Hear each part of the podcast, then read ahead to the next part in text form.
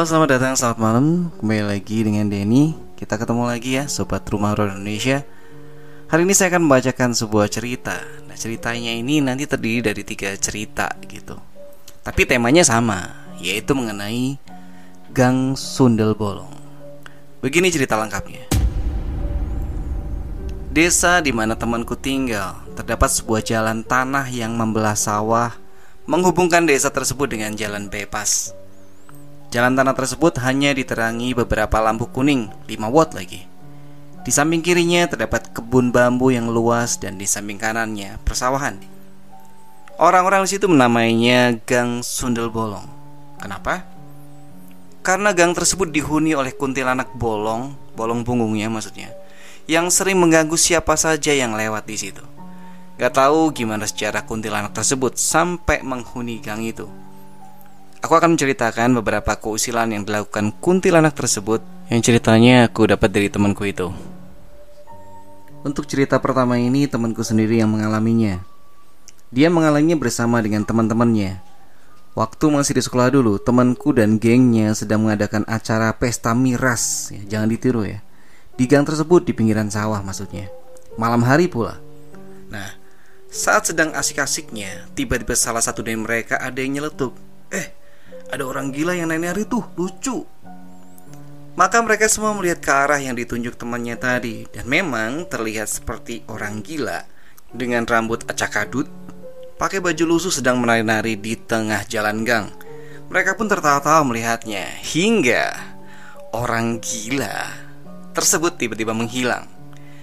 Hal itu langsung membuat mereka sadar bahwa yang barusan bukanlah orang gila, melainkan hantu mereka pun lari tunggang langgang.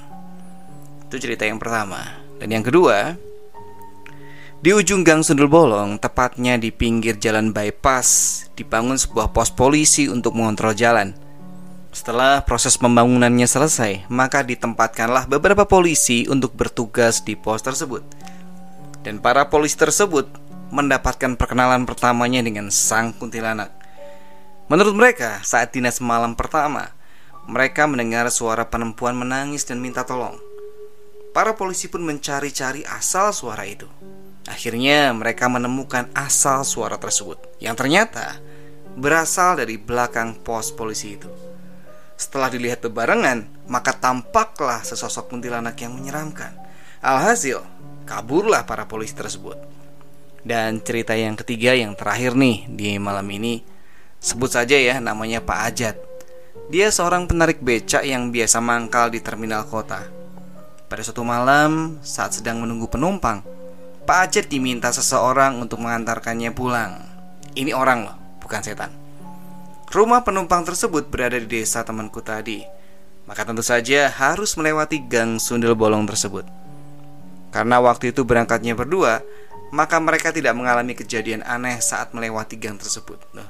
Padahal tadi yang berapa orang juga ada gangguan ya. Jadi nggak konsisten ya. Setelah sampai tujuan Pak Ajat pun balik lagi ke terminal Dan kembali melewati gang kuntilanak tersebut.